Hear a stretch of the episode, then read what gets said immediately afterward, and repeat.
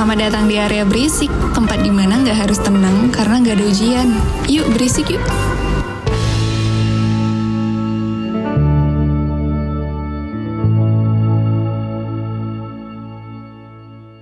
Hai semua, welcome back to another episode of Podcast Berisik with me, your host Lestari Mai. Uh, semoga teman-teman dalam keadaan yang sehat-sehat, apalagi ini lagi di uh, ambience tahun baru gitu ya. Kita dari tim Berisik mengharapkan teman-teman semoga dalam keadaan sehat, bahagia, bahagia terus. Uh, semoga kalau tahun lalu rasa-rasanya nggak baik, semoga di tahun ini 2022 semua menjadi lebih baik gitu secara fisik juga teman-teman terus juga mentalnya gitu ya. Wow, agak agak ini agak sensitif. Anyway, we're not talking about a physical or mental health here gitu. Kalau tahun lalu kita ada ngobrolin soal eh, software engineer dengan Mas Doni gitu. Kita bahas tentang behind the scene ya. Kita bahas tentang apa aja yang mereka lakukan dan jenis-jenisnya apa gitu. Jadi membuat membuka cakrawala kita gitu. Oh, ternyata software engineer itu seperti ini. Nah, di episode kali ini kita akan ngobrolin um, say a sisterhood gitu atau a brotherhood dari si software engineer ini yaitu sesuatu yang berhubungan dengan machine learning atau artificial intelligence and of course I'm not alone because I'm not a I'm not a master at it gitu ya walaupun udah sebelumnya ngobrol sama Mas Doni tapi aku masih butuh bantuan temanku nih untuk ngobrol soal ini karena itu sekarang kita ada Hafid di sini. Hai Hafid. Halo Tari, selamat tahun baru Halo, 2022. Selamat tahun baru. Semoga semoga tahun ini menjadi lebih baik dari tahun sebelumnya. Amin. Gimana? Ada resolusi khusus nggak untuk tahun ini? Uh, resolusiku masih sama sih dari sebelum-sebelumnya, jadi lebih baik okay. dari sebelumnya. Itu dia. Oke, alright. Oke, okay, menjadi lebih baik ya dalam bentuk apa pun itu ya. Oke. Okay. Um, hari ini kita akan ngobrol-ngobrol sama Hafid. Tadi aku udah sempat mention nih Fit soal machine learning dan juga artificial intelligence. Nah, uh, daripada pendengar kita itu bertanya-tanya, ini kenapa ngomongin ini, terus background si narasumber ini apa. Jadi aku serahin dulu ke Hafid untuk perkenalan, silahkan. Oke, jadi pertama perkenalkan diri dulu ya. Nama saya Hafid Fikri. Uh, sekarang sih sebelum, sebelum uh, sebetulnya saya udah lama ya nggak kerja di bidang AI ya. Terakhir itu di tahun 2018. Waktu itu saya bekerja di salah satu startup atau perusahaan insan di kota Bandung. Uh, itu waktu itu perusahaannya masih awal-awal banget, awal-awal banget dibangun itu. Ah. Masih karyawannya juga masih dikit tuh, masih tiga orang. Dan oh, kita gitu? masih sibuk, sibuk, ah itu masih dikit. Dan hmm. itu kita masih sibuk-sibuk saya proyek dan sama kerja juga masih belum dibayar sih. Jadi kita masih ini lah. Ini sana awal-awal banget gitu. Tapi bukan bukan project thank you kan tapi bukan ya oh, okay. buat ada sih uh, upah dikit-dikit cuman ya istilahnya kita masih ada numpukin kas perusahaan lah istilahnya masih mm-hmm. perusahaan awal, awal banget itu untuk proyek sih alhamdulillah udah kemarin handle sekitar satu atau dua proyek lah tapi sebelum saya kerja di startup mm-hmm. yang ini tuh kebetulan saya kuliah juga di jurusan informatika di Universitas Telkom ya atau Telkom University uh, okay. nah di situ saya juga aktif sebagai asisten dosen AI artificial, artificial intelligence lalu di machine learning, machine learning juga jadi asisten dosen. Lalu tugas akhir juga ambil topik machine learning juga yaitu klasifikasi wajah. Eh sorry klasifikasi ras berdasarkan dari citra wajah gambar wajah. Jadi gitu. aku ada gambar uh, jadi ada gambar wajah nih. Mm-hmm. ada orang A orang B orang C. Nah ini tugas akhir aku tuh dia ngebedain nih uh, si orang A ini rasnya apa? Apakah dia orang Asia atau bukan Ah, oke. Okay. Jadi dari kuliah berarti ya udah memfamiliarkan uh, diri gitu, udah mulai uh, nyentuh bidang ini gitu. Itu tahun berapa Fit berarti jadi asisten dosen dan uh, tugas akhir? asisten dosen tuh sejak 2016 ya 16 akhir 17 uh-huh. jalan terus uh-huh. sampai akhirnya ya ambil tugas akhir itu tuh yang machine learning okay. artificial intelligence itu tuh oke okay, berarti udah enam tahun lah ya eh, per um, 2022 kurang lebih enam tahun 5 sampai enam tahun lah ya uh, uh, bisa uh, bisa dibilang gitu sih cuman kan aku kan 2018 tuh setelah itu akhir 2018 tuh aku dapat pekerjaan di tempat yang layak, yang lebih layak ya menurutku lah di salah satu perusahaan telekomunikasi di Indonesia. Nah itu diangkat sebagai trainee dulu lalu jadi karyawan tetap. Nah di sini aku kerjanya udah nggak nyentuh AI lagi. Uh, sebenarnya AI-nya berhenti di 2008, uh, 2018 ya? Fokusnya berhenti, cuman ya aku masih hobi-hobi aja sih, ngoprek-ngoprek, okay. TensorFlow okay. atau hal-hal AI kayak gitu sih. Masih ikut ini juga kemarin, tahun lalu ikut summer school untuk pembahasan AI di kampus Kudu di Telkom University. Nah itu lumayan seru juga sih. Uh, kita kumpul sama orang-orang luar negeri, ada dari Taiwan, Pakistan, Jepang gitu kan. Kita bertukar pikiran di situ lah. Jadi masih meski udah nggak di AI, aku masih tukar-tukar pikiran sama mereka gitu. Oke, okay, jadi sebetulnya kalau ditanya pekerjaan tuh bukan uh, bukan current job ya berarti ya, tapi hmm. masih masih punya interest di di bidang ini. Oke. Okay. Oke, okay, tadi uh, kita udah kenalan sama Hafid soal background story-nya Hafid, uh, apa yang uh, pernah Hafid lakukan di bidang AI terus sekarang tapi ternyata current jobnya itu udah nggak di AI tapi tetap interestnya ada di sana. Nah tadi uh, sempat dimention juga nih sama Hafid soal machine learning terus juga aku sempat uh, dari akunya juga ada artificial intelligence gitu aku sebutnya. Nah ini uh, ini kan walaupun ya di, di, di zaman digitalisasi zaman sekarang kita sering banget nih Fit mendengar dua terms ini gitu tapi boleh nggak diceritain atau dijelasin briefnya ke kita tuh bedanya apa sih machine learning dan AI?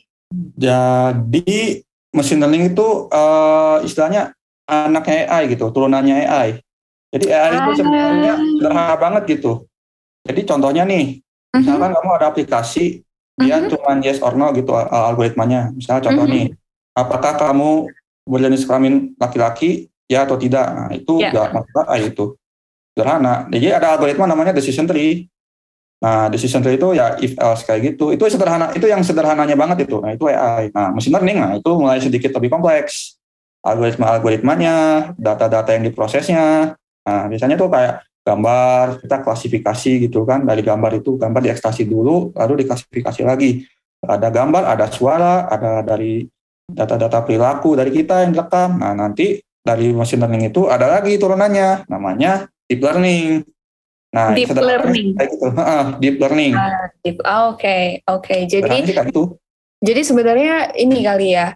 Uh, kakeknya gitu tuh AI, tapi makin ke bawah mereka semakin detail, tapi juga semakin um, rumit gitu ya kurang lebih gitu Betul, ya dari dari kacamata orang luar yang sama sekali misalkan nggak mengerti coding dan segala macam gitu. Jadi AI itu atasannya terus semakin ke bawah mereka akan semakin uh, ribet. I would say ribet tapi mungkin lebih detail ya. Lebih banyak uh, pernak-perniknya. Tadi tadi hmm. Hafid juga sempat mention nih kan ada aplikasi yang kayak uh, apakah kamu berjenis bukan aplikasi ya anything lah yang yang akhirnya muncul ke pop up pertanyaan apakah kamu berjenis kelamin laki-laki? gitu. Terus uh, yes or no. Nah itu kan salah satu contoh uh, AI-nya gitu kan. Nah kalau untuk perkembangannya sendiri tuh gimana sih Fit? Se secepat apa? Serame apa? Dan dan dan gimana implementasinya Oke, kalau dari sejarah AI sendiri ya, aku yang aku tahu ya karena aku pernah baca-baca artikel tentang AI, buku kayak gitu ya. Mm-hmm. Jadi AI, AI itu tuh udah lama banget perkembangannya dari tahun aku lupa 60 atau 70 ya. Tapi di situ sempat berhenti.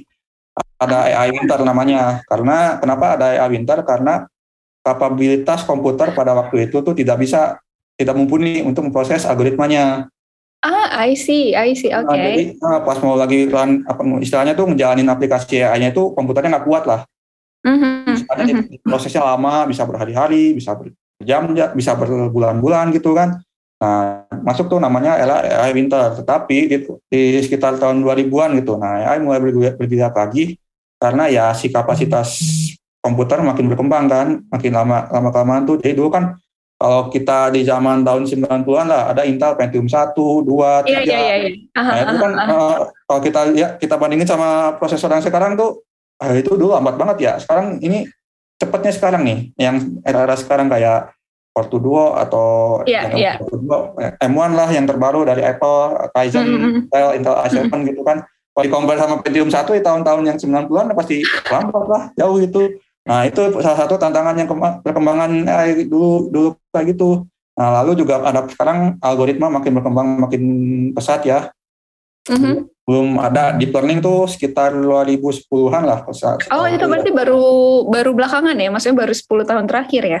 Iya, 10, ah. tahun terakhir. Setahuku ya aku ya disclaimer aja aku udah lama juga sih kalau nggak ngulik-ngulik ini juga uh-huh. sejarah kayak gini lebih langsung ke praktikal. Cuman ya kalau okay. perkembangannya sih kayak gitu 2010.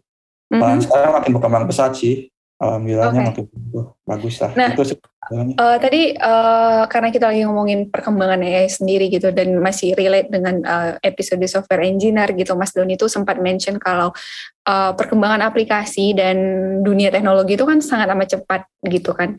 Jadi kita nggak bisa handle gitu. Itu wave-nya itu kencang banget. Jadi kita nggak bisa handle.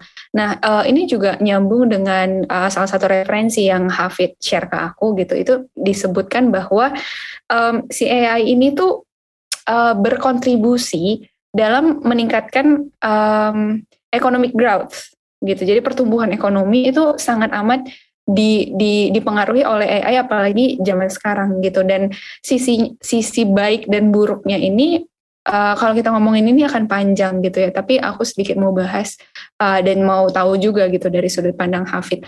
Kalau belakangan ini kita sering banget dengar tahun 2030 pekerjaan ABCD hilang dari dunia ini karena akan digantikan oleh mesin gitu. Nah, itu kan uh, ada hubungannya dengan si AI, si AI ini tadi gitu. Terus juga tapi di lain sisi pekerjaan yang membutuhkan skill um, technical or comput, uh, computerized computerization kayak gitu-gitu itu pasti demand-nya akan semakin tinggi kan. Hmm. Uh, jadi itu kayak ada kontradiktif gitu loh antara job yang A, B, C, D akan hilang karena bisa digantikan oleh mesin, tapi uh, akan ada certain skills atau certain um, uh, apa ya kemampuan lah gitu dan ini akan juga kalau ditarik lagi ulur ke belakang ini akan berpengaruh ke tingkat pendidikan kita. Nah itu menurut kamu menurut kamu gimana Fit ngelihatnya dari sisi kamu karena kamu kan udah udah bekerja di bidang itu gitu ya. Hmm. Tapi kan uh, buat teman-teman yang yang mau misalkan atau misalkan kayak uh, dia menyadari betul bahwa di masa depan ini uh, komputerisasi ini nggak bisa dialakan lagi. Dia jadi dia mau belajar gitu. Nah menurut kamu tuh gimana? Dari sudut pandang kamu melihat kontradiktif ini tuh gimana? Melihat sudut pandangnya ya. Kalau dari mm -hmm. aku sih ya emang gitu sih kenyataannya ya. Karena kita ya supaya demand sih balik lagi ke itu. Ah, jadi ya, kenapa orang-orang uh, yang pekerjaannya digantikan AI itu karena salah satunya adalah buat irit biaya Ah, kerjaan-kerjaan yang kira uh, aku lupa kerah putih atau kerah biru istilahnya ya yang kayak di yeah, yeah, yeah. customer customer care gitu kan dia kan? Mm, angkat telepon tutup yeah, terus Uh, juga kan. Nah itu ke depannya mungkin akan hilang karena digantikan sama mesin. Kan ada tadi yang aku sebutin kan speech alias ini olah Iya, suara yeah, gitu kan mm. atau teks gitu kan atau kalau di mm. komputer itu namanya natural language processing pemrosesan bahasa alami jadi dia ah, okay. komputer yang balas kita ngechat jadi kita ngechat sama komputer lah kalau bahasa alaminya kita ngechat sama sim simi lah ini sim simnya ini lebih yeah. komputer nah, kayak gitu iya yeah, yeah, betul betul betul betul betul betul nah itu yang akan gantiin gantiin orang yang kayak gini nah hasil orang-orang yang ini yang sebelumnya jadi customer care uh -huh. kayak gitu tuh supaya untuk mengikuti kebutuhan zaman ya harus belajar untuk belajar AI istilahnya atau belajar hal yang lainnya setidaknya belum dimakan oleh disrupsi teknologi seperti ini ya.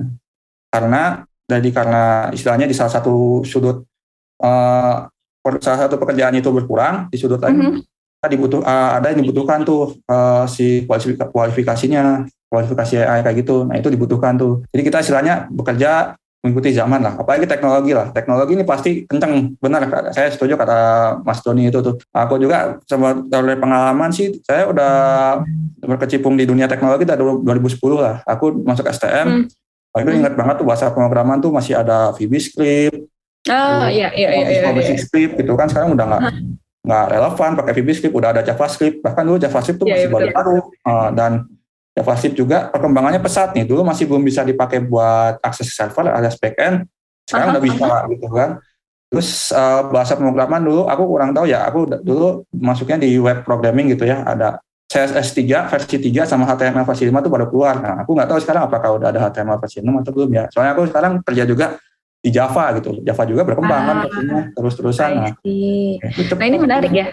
Karena uh, Hafid Hafid uh, mention kalau Hafid kerjanya di Java, terus di di section itu gitu lah ya. Terus hmm. uh, tadi yang HTML nggak tahu uh, apakah HTML versi terbarunya tuh udah keluar gitu. Nah ini ketika kita fokus di satu bidang gitu, karena kan tuntutan pekerjaan ya Fit, kamu kamu tuntutan pekerjaan, kamu tuh uh, fokus di Java, terus Uh, sementara yang lain itu juga saling berlomba gitu. Jadi nggak bisa nggak bisa ditinggalin aja. Oke, okay, aku cuma mau fokus di satu titik gitu. Itu tuh nggak bisa ternyata ya. Karena mereka akan saling uh, berhubungan kalau aku sebut ya. Iya nggak sih? Saling berhubungan sih ada benernya ada. Aku sih mikirnya sih ya bisa ada hubungannya juga sih kayak back end front end gitu kan. Tapi ya mm -hmm. fokusnya ke back endnya gitu kan Aku kadang mm-hmm. mikir front-end-nya kayak gimana, entah pakai React atau apa gitu. React mm-hmm. kalau nggak salah backend deh, JavaScript ya. Aku ya itu juga baru masih baru-baru tuh, aku juga kaget itu. Nah iya, jadi kan maksudnya kayak ketika kita fokus di di satu titik, ternyata session lain gitu atau atau departemen lain aku sebutnya lah ya, itu ternyata juga nggak kalah cepat gitu dari kita gitu. Jadi ya, memang uh, memang nggak bisa ditahan sama sekali wave-nya gitu. Oke, okay. ya. Dan ngobrolin soal tadi kita sebut juga soal ini ya Fit, lapangan pekerjaan gitu dalam tanda kutip.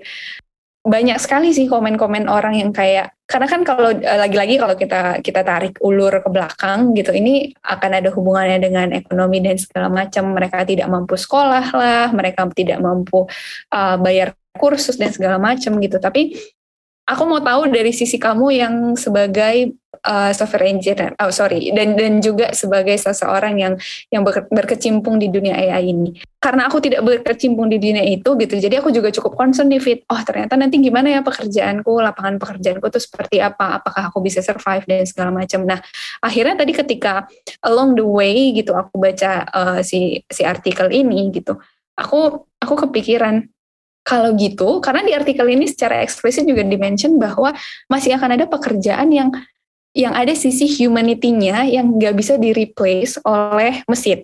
Nah, kamu gimana pendapat kamu soal statement itu? Setuju sih, benar. Aku Alright. sekarang okay. gitu, aku harapin kayak gitu sekarang. Jadi aku sama ini kan aku belajar fokus teknik gitu kan.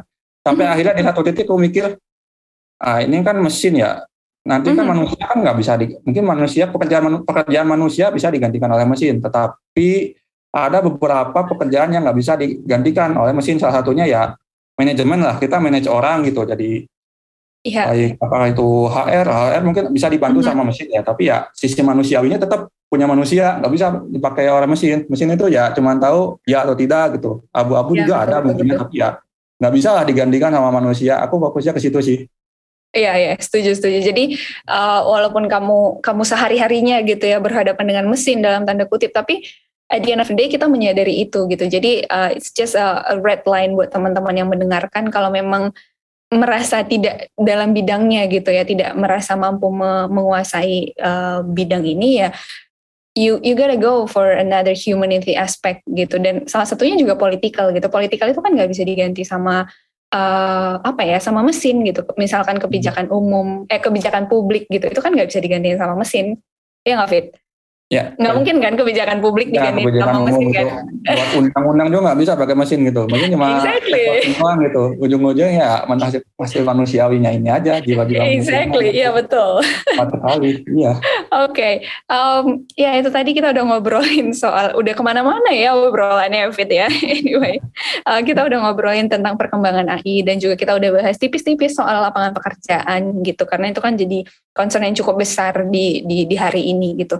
Nah kita mau mau tahu dong skop pekerjaan sebagai bukan bukan sebagai ya di di machine learning atau di AI itu apa aja sih Fit? Skop ah, pekerjaannya uh, gitu. Skop pekerjaan uh, ruang lingkupnya ya? Iya. Mungkin aku ceritain dari pekerjaanku sebelumnya ya. Dulu aku oh, eh. itu, uh, aku tuh menganalisa sentimen di sosial media. Nah itu di Twitter loh. Jadi aku ah. uh, aku jadi dapat tugas proyek untuk memeriksa sentimen salah satu kota di Indonesia. Apakah mm, mm, mm, mm. kota ini itu apakah banyak sentimen negatif atau sentimen positif? Oh gitu. Uh, jadi, jadi kamu bisa cek itu dari uh, dengan machine learning gitu. Bisa itu. I see, I see. Oke. Okay. Uh -huh, uh -huh. Lalu apa, apa, apa lagi yang kamu lakukan?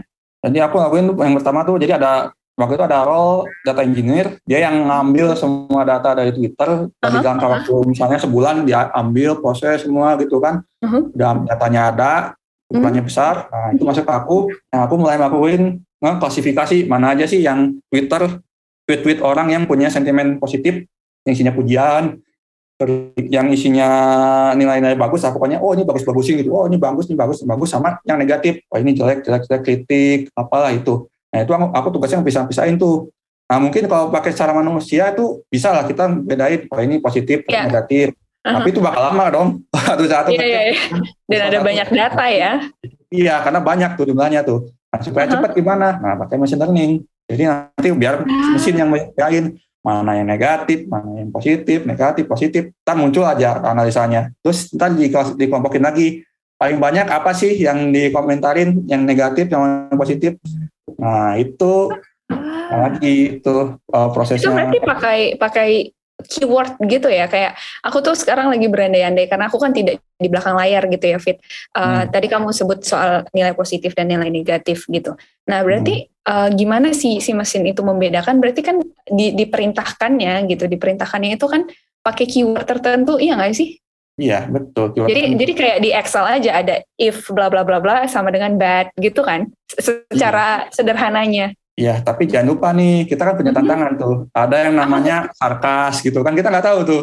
Ini tweet sarkas, ah, nggak tahu nih ini exactly. sarkas iya, iya, iya. iya, itu tantangannya. Belum lagi ada yang pakai bahasa lokal kan misalnya kalau ambil data di kota Bandung ada contohnya ada yang hmm. pakai bahasa Sunda gitu kan iya, iya, betul, nah, betul. terus belum lagi yang disingkat-singkat yang jadi YG terus uh, eh, AFK atau apa yang pokoknya disingkat-singkat gitu. Itu jadi tantangan tersendiri buat mesin learning di situ tuh. Jadi cukup menantang lah gitu. Jadi kadang makulasi mesin juga berkurang karena data-datanya ya itu masih banyak yang menantang lah istilahnya lah datanya. Kurang bersih kalau masalahnya. Iya, tadi aku nggak kepikiran itu sih. karena ketika kamu ngobrol oh ya kita minta mesin gitu. Kita perintahkan mesin untuk untuk uh, menyortir. Tapi aku nggak kepikiran ada challenge itu gitu. Bahasa sarkasm terus juga bahasa lokal. Belum lagi singkatan-singkatan ya yang padahal itu maksudnya bisa jadi a bad value gitu. Oke okay, oke. Okay, berarti uh, kamu tuh membuat program itu sampai menganalisa atau dari hasilnya atau hanya sekedar menganalisa? Yang mana Fit? Uh, dari aku sih tugasnya cuma sampai nyortir aja. Nyortir sama ngeranking gitu. Ini yang paling banyak ini nih. Negatif hmm. negatifnya positifnya hmm. ini gitu. Nah dia aku balikin ke tim aku lagi. Satu orang lagi. Kan tiga orang tuh. Satu lagi dia uh, ininya lah. Data analitiknya lah istilahnya CTO-nya sih tangkap juga dia. Nah itu dia nge ini ngeban, uh, apa istilahnya nyimpulin gitu. Oke ini masuk akal gitu kan. Karena ya tantangan yang aku sebutin tadi kan masih ada yang miss-miss dikit karena kata yang aku sebutin tadi ada yang sarkas atau apa. Ya, ya, ya. Lain lagi ke situ tuh. Jadi oh, meskipun okay. ada full mesin, tetap dari manusianya kita seperti lagi kita cek-cek lagi lah supaya karena ini project project beneran ya ada klien ya supaya klien puas juga jadi kita sortir lagi kayak gitu sih oke okay. dan jangan lupa itu tiga tahun yang lalu ya Fit aku yakin tiga tahun itu waktu yang waktu yang cukup panjang untuk perubahan teknologi yang begitu pesat betul Terakhir hmm. aku kalau ngoprek NLP tuh dari UI dia udah punya library khusus buat ngejemahin bahasa Indonesia kayak gitu. Aku kira oh gitu. Dari oh, punya UI, aku lupa waktu itu. Ah, alright. Terus okay. aku nggak pakai yang punya UI, punya orang luar negeri library buat ininya ya, nanti katanya ya. Oke. Okay. Nah, library itu kayak istilahnya kayak fitur lah gitu, fiturnya diambil. Oh iya iya, tahu tahu tahu. Orang luar negeri, tapi orang luar negeri kan nggak tahu Indonesia kayak gimana. Kalau UI iya, kan betul. Ya, betul lebih tahu itu lah. juga ada sisi humanity-nya ya di situ sebenarnya. Jadi kita uh, apa ya attachment-nya itu akan lebih dekat kalau kita sesama orang Indonesia gitu. Dan kalau misalkan tadi di Bandung ya sesama orang uh, sesama suku Sunda gitu itu akan lebih mengerti gitu. Jadi kita bisa implementasikan apa yang kita rasakan sehari-hari ke uh, bahasa pemrograman ini gitu. Oke okay. into the next one. Ini sangat menarik gitu. Karena Tadi kita juga udah mention lagi-lagi soal lapangan pekerjaan dan segala macam. Jadi supaya gimana kita nggak ketinggalan zaman gitu. Uh, sama seperti di software engineer di episode software engineer Mas Doni juga mention ya kita terus belajar gitu karena um, kalau dari dari dari sudut pandang Mas Doni itu uh, yang paling penting mau belajar dan bisa bahasa Inggris fit. Jadi karena semua modul gitu yang mumpuni lah ya uh, itu dari bahasa Inggris gitu. Resource-nya tuh bukan dari dalam gitu. Hafid Hafid udah senyum-senyum sendiri teman-teman ya buat yang nggak bisa ngeliat. Gitu. Ah, iya, iya. Kalau dari kamu tuh gimana Fit? Apa sih yang yang yang harus kita punyai gitu? Apa yang harus kita gali lebih dalam supaya I, I wouldn't say as an expert, tapi at least kita tidak ketinggalan zaman. At least kita bisa catch up with what's happening around the world. Hmm. Oke, okay, jadi aku mau jawab ya. Ini kebetulan nih aku lagi baca buku judulnya AI Superpowers China, Silicon Valley, and the New World Order. Nah, ini hmm. karangannya hmm. dari Kai Fu Lee. Dia kalau ingatku dia orang Google terus pindah ke Cina dia bangun ah, di, I see. Oke. Okay. Okay. Lah, di pemodal modal di bidang teknologi startup kayak gitu. Nah ini ini yang terjadi di Cina sebenarnya. Jadi di Cina itu dulu kan dia masih ada di golongan negara-negara bawah lah, yang ekonominya ini di bawah inilah ada kebanyakan miskinan. Nah, tapi yeah, iya, sekarang yeah, lama kelamaan dia naik terus tuh. Naik mm-hmm. ekonominya pas dilihat itu aku baca bukunya ternyata didukung dari ekosistem ekosistem AI ini. Jadi banyak perkembangan AI di Cina itu lebih pesat banget itu. Mm-hmm. Masuk kayak muncul Alibaba terus dia uh, di Cina sendiri kan dia punya sosial media sendiri tuh iya betul betul betul nah, betul betul sensor sensorship sendiri dia Cina itu nah kenapa Cina bisa berkembang pesat terutama di bidang AI yang pertama adalah pemerintahnya support dari pemerintah okay. ya betul betul support dari pemerintah jadi pemerintah itu dia menginvestasikan uh, uang ke beberapa perguruan tinggi untuk melakukan riset. Nah, banyak kan riset itu datangnya dari barat dapat Amerika, Eropa, I see. itu uh, dan dari banyak kan tuh bahasa okay. Inggris kan, sedangkan orang Cina yeah, itu yeah. banyak kan masih belum pasti bahasa Inggris. Betul betul nah, betul betul. Uh, jadi mereka masuk istilahnya kayak yang kuliahin lah ke luar negeri orang-orang Cina ini uh, ke Amerika ke Eropa bawa pulang mereka ngajar lagi di situ gunakan bahasa okay. Cina uh, dia terjemahin dan terjemahin apa yang ada di luar negeri di negara-negara Barat ke Tiongkok atau Cina ini nih. Nah, itu uh, hasil per, per 2020 nih data dari Nikkei kalau aku baca tadi itu jumlah uh, paper ilmiah yang ada di Cina uh-huh. presentasi itu udah menyusul punya Amerika dari di bidang AI. Di bidang AI. Itu di tahun 2020 dia udah overtake dan nyusul. Jadi Alright. China di atas, USA di bawah sekarang. Di, wow. Oke, oke, oke, oke.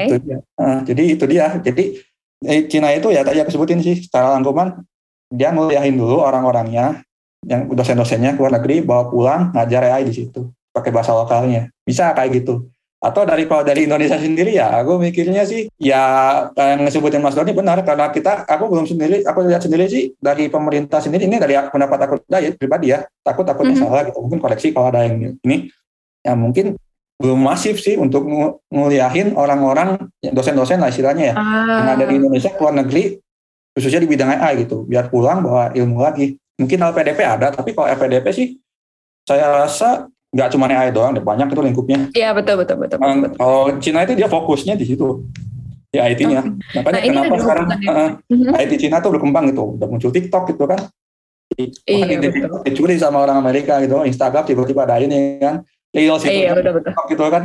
Kok tiba-tiba Amerika yang jadi copycat ke China padahal dulu kita kenal China itu di negeri yang copycat. Iya betul. Uh, banget iya iya. uh, iPhone iPhone gitu ada iPhone doang iPhone Cina ya iya Mm-hmm. Nah, dulu Cina yang copycat Amerika sekarang kebalik. Nah ini yang menarik sih kalau dari aku lihat sudut pandang aku sih. Oke, okay. oke. Okay. Ini ini ada hubungannya dengan yang tadi kita sebutin ya, uh, hmm. bahwa si AI ini sendiri kita nggak bisa pungkirin kalau mereka tuh memang mereka hal hal ini gitu hal ini tuh memang uh, besar peranannya gitu ya dalam pertumbuhan ekonomi suatu negara dan ini ada contoh nyatanya gitu dan bahkan uh, who would have, who would have thought gitu kalau Cina akan akan like on the top on the top of the world gitu. And thanks to their AI gitu. Dan um, ya mungkin tadi we we couldn't blame our government though ya. Tapi tapi at the same time memang butuh uh, improvement gitu. Aku tahu uh, Kementerian Riset dan Pendidikan Minres Dikti itu mereka memang punya satu program gitu khusus di AI ini tapi ya itu tadi uh, cakupannya belum belum luas Uh, dan juga belum ada program yang khusus seperti Cina sih setahu aku. Jadi mungkin teman-teman yang dengerin kalau ada let us know siapa siapa tahu uh, uh, saya pribadi gitu dan juga uh, mewakili tim berisik uh, kita ada yang miss dan juga Hafid let us know kalau kalau kalian ada info yang yang serupa gitu. Oke, okay, jadi uh, dengan kata lain juga bahwa ini tuh nggak bisa dari satu orang aja gitu ya Fit. Selain tadi kita didukung oleh fakta bahwa ya kamu kamu tuh harus mau belajar gitu dalam tanda kutip, tapi juga um, kemauan kita belajar itu ada ada faktor eksternalnya yang harus mendukung. Nah dalam hal ini tuh government karena mereka hmm. sangat uh, punya andil yang besar kali ya. Dan dan China itu kan negara besar ya, maksudnya kayak dia nggak yang sekecil um, Oke, okay, I will just say another country, tapi maksudnya itu itu luas gitu. Cina itu luas gitu. Ya, Jadi kalau kalau ngomongin geographical itu kayak kita tuh Cina tuh nggak kalah loh dari kita gitu. Maksudnya secara dia tuh bukan negara yang kecil gitu. Oke. Okay. Nah tadi juga uh, Hafid sempat mention soal tantangan di machine learning gitu kan ada um, kayak tadi di pekerjaan kamu misalkan ada bahasa Inggris, eh sorry, ya uh, ada ada bahasa Indonesia, ada sarkasm, terus juga ada bahasa lokal karena kan kita banyak sekali kan bahasa bahasa lokal kita gitu. Nah, uh, ada lagi nggak Fit yang yang bisa di share? Uh, tantangannya ya selain itu computing power lalu berdasarkan nah data sih yang penting itu. Data. Data, data ya ketersediaan data. Jadi mesin itu kan ah, namanya juga kan mesin learning. Kalau di Indonesia itu mesin yang belajar. Nah mesin iya, itu betul, betul, betul. data. Itu data itu yang digunakan untuk mesin buat belajar Nah, ketersediaan data ini nih yang masih istilahnya ya di Indonesia tuh uh, mungkin oke okay lah. Jadi setiap perusahaan udah uh, misalnya contohnya kita sorry uh, ambil salah satu uh, e-commerce gitu. Contohnya yang depan yang hijau warna hijau gitu kan. Mm-hmm. Ya ngumpulin data gitu kan. Nah, mm-hmm. itu data pembelian atau apa gitu kan. Mm-hmm. muncul rekomendasi gitu kan. Iya, betul. Nah, itu dia nge-report data-data kita. Nah, itu salah satu contoh untuk informasi datanya. Kalau misalkan kalau yang toko hijau ini kan dia udah lama tuh, datanya udah banyak. Jadi semakin hmm. banyak data semakin enak buat di, diolah. Ah, oke. Okay. Kalau misalnya pas startup-startup baru gitu yang baru dibangun, nah kan mereka nggak punya akses data juga kan. Mau nggak mau mereka ngeolah data sendiri, bikin data baru. Nah, itu dari sisi perusahaan tuh di mana di mana ada perusahaan yang punya data lebih banyak, ya berarti dia uh, istilahnya lebih di sosial lebih banyak lah uh, sumber dayanya makin banyak lah jadi lebih leluasa buat mencari bereksplorasi entah itu buat mm, bikin hmm, rekomendasi mm, uh, produk yang lebih baru atau mm. rekomendasi rekomendasi lain lah istilahnya lah kayak gitu ah, sih. Oke, okay. jadi fitur-fitur baru itu ya di ya, fitur -fitur aku nggak bisa bilang di satu spesifik e-commerce gitu, tapi di di ya. semua yang yang sekarang ada di kehidupan kita berarti itu juga karena data yang mereka punya berarti ya dari dari data itu mereka jadikan base, kemudian muncul fitur-fitur baru yang semakin ke sini tuh semakin memudahkan kita memang itu nggak bisa dipungkiri sih. Oke, okay. oke. Okay. Um, kita udah ngobrol panjang gitu kan, udah mulai dari um, inter, ya backgroundnya, terus juga concern kita soal perkembangan AI, terus juga gimana sih AI ini um, bisa melawan gitu ya. Kita nggak bisa nggak bisa melawan wave-nya, tapi kita bisa like riding the wave gitu kan. Terus juga kita bahas tentang um, tadi gimana menjadi seseorang yang handal gitu ya di di bidang AI. Nah, um, tadi juga aku secara eksplisit bisa mendengar keresahan kamu gitu. Nah, uh, karena sudah bekerja di bidang ini selama kurang lebih 10 tahun berarti ya Fit. Apa sih keresahan eh bukan bekerja, sorry, familiar gitu in your daily life gitu, familiar dengan pekerjaan uh, dunia ini gitu. Uh, apa sih keresahan yang yang like your biggest concern gitu uh, in the present day? Ya, keresahanku ya kalau misalnya udah orang yang nyemplung di IT, ya jenuh gitu. Lalu berhenti belajar. Nah itu salah sih. Oh gitu? Jenuh as if karena karena um, apa ya cakupannya terlalu luas kah? Atau karena, karena beban beban belajarnya terlalu besar atau gimana? Karena ya itu yang aku sebutin sebelumnya perkembangannya cepat Ah, jadi nggak bisa ini ya, nggak bisa nah, mengimbangi gitu ya? Nggak, nggak bisa ngimbangin, nggak bisa ngikutin. Nah itu, iya, iya, iya, iya, iya. kan gantiin juga ini teknologi lama nih, pada ganti, pada aku belajarnya yang lama, yang baru udah ada. Nah, mau kita harus belajar yang baru tuh, kalau nggak ya kita ketinggalan. Ah, oke, oke, oke, oke. Jadi jadi ini lebih ke kemauan orangnya sih ya, kalau aku aku aku lihatnya gitu. Ada lagi Fit?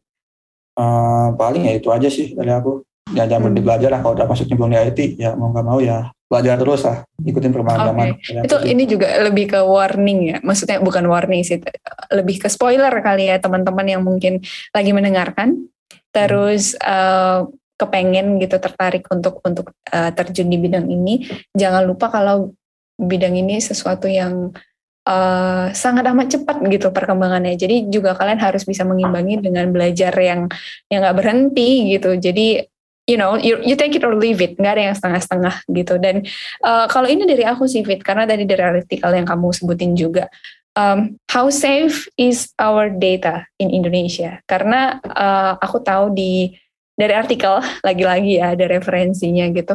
Um, di Europe if I'm not mistaken mereka sudah punya satu regulasi gitulah untuk untuk perlindungan data gitu. And and uh, how about this country Oke, ini bahasanya berat juga ya perlindungan data. Ini masa no, just you know, just tell us briefly. ini hubungannya sama regulasi nih. Jadi ya okay. kalau di Indonesia tuh aku aku sebelumnya kita lihat dulu nih dari negara-negara lain yang teknologinya udah lebih pesat perkembangannya dibanding Indonesia. Kita ambil contoh Uni Eropa gitu kan. Mm, Uni yeah, Eropa yeah. ini dia udah punya uh, regulasi namanya General Data Protection Regulation atau GDPR. Oke. Okay. Mereka tuh melindungi data-data pribadi uh, mm-hmm. yang bersifat personal dan mm-hmm. di situ tuh aturannya cukup ketat tuh. Kalau misalnya kita melanggar gitu, mm-hmm. ya mhm. bisa kena hukuman juga ya sama kayak undang-undang lah. Misalnya undang-undang ada kalau kita melanggar atau kita nggak sesuai dengan standar yang mereka tentukan, ya. ketahuan nih, nah, kita bisa kena denda atau kena apa mm-hmm. itu hukuman lah, entah itu tertulis, entah itu di penjara, nah, itu di Eropa. Nah, gimana sih kalau di negara kita? Nah, kalau negara kita sih sejauh ini belum ada. Belum ada nah, undang-undangnya uh, maksudnya. Undang-undangnya, tapi kabarnya sih lagi digodok nih, lagi dibuat sama DPR. Cuman aku nggak tahu nih perkembangannya apakah masuk ke prolegnas atau enggak. Nah, okay. um, semoga masuk ke prolegnas atau prioritas istilahnya lah bahasa awamnya ya kalau diprioritaskan yeah, yeah, yeah. ya, semoga bisa cepatnya karena ya ini perkembangan teknologi itu cepat Betul. dan, dan data itu satu hal yang apalagi data pribadi gitu ya. Kayak nomor handphone alamat yeah, nah yeah, itu yeah. tuh semua orang nggak boleh tahu itu bahaya. Itu harus dilindungi. Nah kalau misalkan okay. nanti udah ada undang-undang yang udah ada ya saya harap sih kalau misalkan ada perusahaan-perusahaan yang menyimpan yang datanya terbongkar kayak gitu disimpannya nggak sesuai standar ya bisa dapat hukuman atau apalah teguran hukuman penalti apalah itulah. Supaya ya kita sebagai warga negara Indonesia itu merasa aman untuk menyimpan data. Bahkan sampai sekarang juga ya karena undang-undang ini belum ada ya kalau aku mau ketemu web yang istilahnya mm-hmm. tuh masih dari perusahaan yang aku nggak tahu misalnya uh, web web yang dia minta ada masukin nomor KTP kayak gitu. Aku sih kalau misalkan nggak butuh-butuh amat ya aku masukin KTP atau nggak pindah aja ganti. Ini webnya pindah aja gitulah. Saya jangan pakai gunakan web ini atau produk ini karena ya belum ada undang-undang yang melindungi yang menjadi standar ya menetapkan standar perlindungan data di Indonesia. Nah, itu belum ada tuh dan untuk masalah okay. data sih okay. Indonesia ya banyak ya beritanya ya aku nggak akan nyebutin yeah, yeah, betul, betul. yang bukan data tapi kalau ikutin berita belakang akhir-akhir ini ke belakang ya bocoran data tuh banyak ya yeah we're not there yet ya yeah. Tadi juga ada tips, a little bit tips dari dari Hafid kalau you don't trust the website gitu, you don't trust the source, just don't put any information, uh, any personal information gitu. Like masih ada web web lain yang if you could use it, use another one gitu ya. Alright, oke. Okay. Uh, semoga sooner or later uh, kita bisa ada di di tahap itu ya, ada di titik itu ya Fit ya. Kamu sebagai orang behind the scene dan kita sebagai pengguna gitu. Jadi uh, harapannya uh, pemerintah kita juga cepat memfasilitasi hal ini. Jadi kita we are feeling safe gitu dengan dengan data kita yang ada di mana-mana. Karena nggak bisa dipungkirin juga uh, it's uh, on the other side itu memudahkan hidup kita gitu kayak ya udah belanja tinggal satu klik aja kan selesai gitu nggak perlu repot ke sana kemari gitu. Jadi uh, harapannya semoga you know we, we could be there sooner or later. Alright. Anyway, ini sudah uh, I guess more than 30 minutes nggak berasa ya ngobrolnya. Um, thank you Hafid untuk obrolannya. I, I would say this is one of the uh, the toughest episode yet again di, di podcast berisik karena bahasannya uh, it's not only about personal experience gitu, but it's, it's rather than on technical side. Jadi terima kasih banyak uh, Hafid sudah mau ngobrol di podcast berisik. Semoga nggak kapok lagi ya next time dihubungin sama tim berisik. Um, yeah. Uh, and also, uh, I'd like to thank you untuk uh, para pendengar kita. Like you guys have been with us since the the very first episode until today. Jadi Um, terima kasih banyak sudah mendengarkan episode karir dan juga daily talk gitu. Semoga uh, teman-teman masih setia mendengarkan podcast berisik di tahun ini dan tahun-tahun berikutnya. Once again, thank you Hafid and uh, I'll see you guys on the other episode. Bye bye.